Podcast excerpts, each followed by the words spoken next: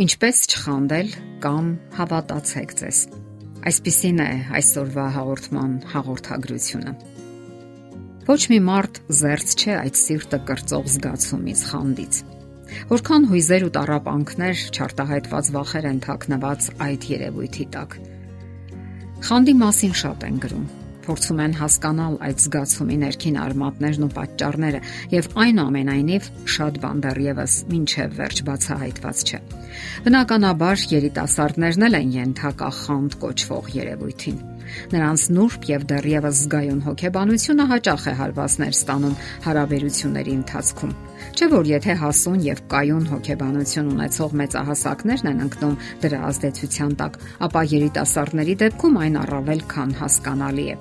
Եվ այսպես խանդ ինչ է այն։ Հոգեբաններն ասում են, որ այդ զգացումի հիմքում շատ ավելին է, քան միայն կոնկրետ մարդուն կորցնելու վախը։ Միգուցե ձեր կյանքը թունավորում է սեփական անձի հանդեպ անվստահությունը։ Հնարավոր է ձեզ չգնահատված կամ չսիրված եք զգում, կամ էլ անցյալի ցավոտ փորձառություններ ունեք։ Եվ որpիսի դադարեք խանդել մեկ այլ մարդու, հարկավոր է հասկանալ սեփական անձը եւ փորձել գլուխ անել հենց ձեզանից։ Իտալացի սոցիոլոգ եւ խորհրդատու Պերլուիջի դե Ալեսիոն առաջարկում է 5 եղանակ, որոնց միջոցով դուք կարող եք փոխել ձեր մտքերը եւ դադարել խանդել։ Ուրեմն,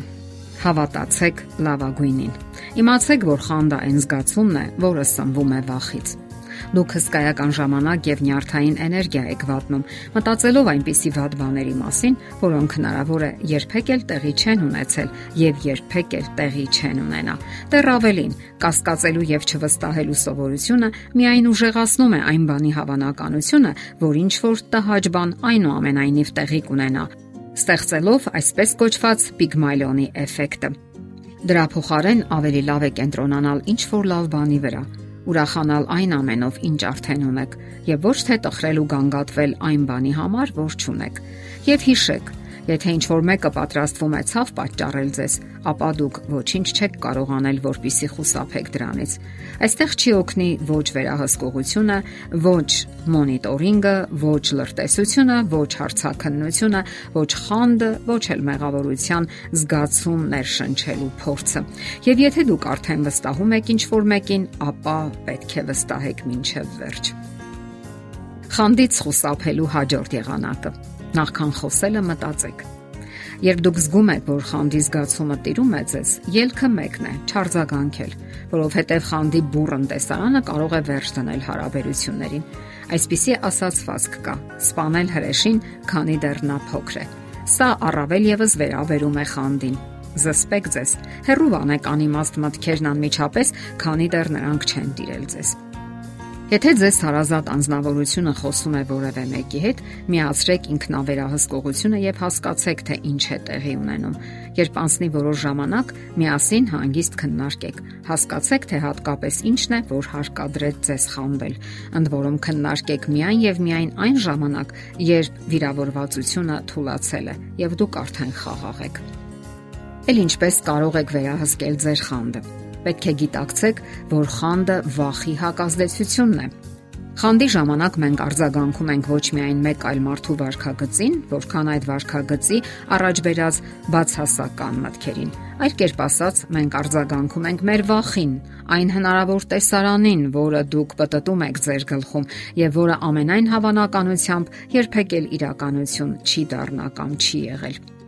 Օրինակի համար ենթադրենք, որ դուք ծնող եք եւ ձեր երեխան հիանալի շփվում է մեկ այլ մեծահասակի հետ։ Դրանում ոչ մի վատ բան չկա։ Դա բոլորովին էլ չի նշանակում, որ նա ձեզանից լավն է կամ ավելի կարևոր։ Նման դիրքորոշումը ընդունել նշանակում է պաշտպանողական դեր ստանձնել։ Որքան շատ եք պաշտպանվում, այնքան ավելի կասկածամիտ ու խանդոտ եք դառնում։ Խանդից խուսափելու համար դուք պետք է հավատաք ձեզ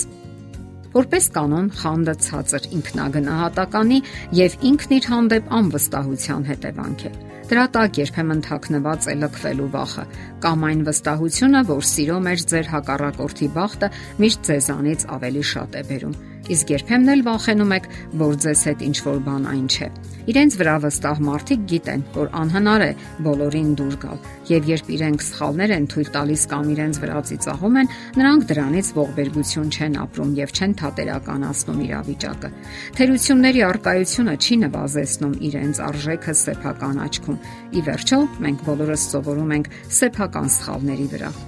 Անհաջողություններ չեն լինում, լինում է միայն փորձառություն։ Նաև պետք չէ մտածել, որ դուք բացառիկ իրավունք ունեք։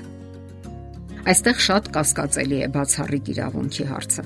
Երբ դուք սկսում եք խանդել կամ տեսնում եք, որ որևէ մեկը մոտենում է այն մարդուն, ում դուք ձեր սեփականությունն եք համարում, ապա այսպիսի հարց տվեք ձեզ. Ինչպիսի հարաբերության մեջ եք դուք այդ մարդու հետ։ Արդյոք նա ձեր սեփականությունն է եւ չի կարող որևէ կերպ հարաբերվել այս կամ այն անznավորության կամ հարազատի հետ։ Իսկ դուք երկուսդ էլ բացի իրար հետ շփվելուց չեք կարող հարաբերություն ունենալ այլ մարդկանց հետ մինչև որքան եւ մինչև երբ պետք է արգելեք նրան, որ ձեզանից բացի այլ հետաքրքրություն էլ ունենա։ Հասկանալի է, սիրելի մարդու, երեխայի կամ ծնողի հետ միասին լինելու մեր ցանկությունը։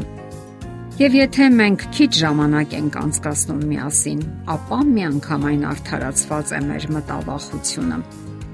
Իսկ եթե դուք գործնականում անխզելի կերպով կապված եք միմյանց, ապա խանդի փոխարեն այլ հետաքրքրություններ կգտնեք ձեզ համար։ Գիրք կարդացեք, գնացեք մարզասրահ, ինչ որ դասընթացների մասնակցեք, շփվեք ձեր ընկերների հետ։ Ընդհանուր առմամբ ձեր ազատ ժամանակը ուրիշ հետաքրքրություններով լցրեք, որpիսի սահմանափակ մարդու տպավորություն չստեղծվի, որ դուք քիչ նախասիրություններ ունեք։